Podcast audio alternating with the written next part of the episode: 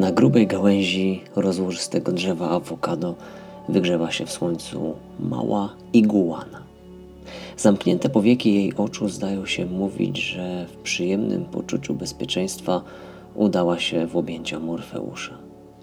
Ledwie zauważalne ruchy gałek ocznych sugerują, że ten niezwykły gad właśnie doświadcza jakiegoś marzenia sennego. Przez moment dostaje dostęp do igłaniego umysłu i jako obserwator oglądam jej sen.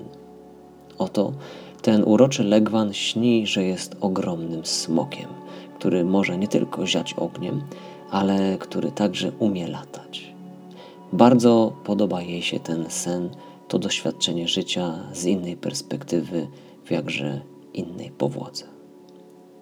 W pewnym momencie granica między jej snem a jawą zaciera się. Doświadczenie jest tak silne, że w realnym świecie ludzie zaczynają widywać zielone oko smoka, które jest smoczym okiem śniącej iguany. W naszym codziennym życiu zwykliśmy traktować świat snu trochę po macoszemu, bez wyraźnego, namacalnego celu. Coś, co służy jedynie regeneracji ciała fizycznego i umysłu.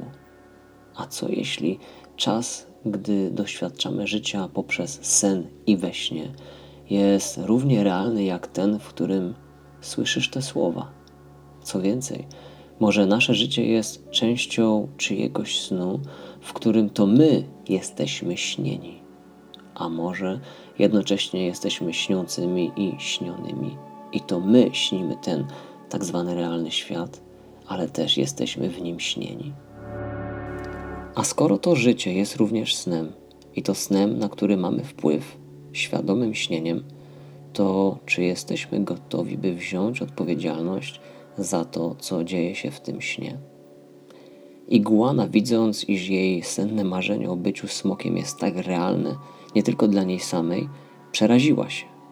Zrodził się w niej niepokój i lęk o skutki jej snu, wykraczające dalece poza ramy jej umysłu. Zmroziła ją myśl, że ktoś, kto ni z tego nizowego zobaczył nie tylko oko, ale także całego smoka, mógł ucierpieć z powodu tego doświadczenia. Świadoma konsekwencji swego działania, również tego w sferze snu, postanowiła lepiej śnić, robić to bardziej odpowiedzialnie.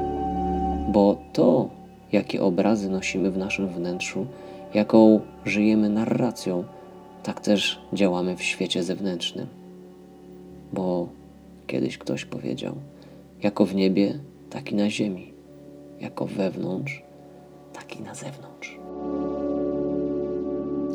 Muszę przyznać, że Seniguany, ta, ten obraz, ta karta, bo jest to część większego projektu, jest jedną z moich ulubionych i takich, które są bardzo obrazowe i dające do myślenia i pokazujące tak naprawdę wielopłaszczyznowość naszego istnienia, a co za tym idzie również odpowiedzialność za to istnienie i za działanie w tym istnieniu.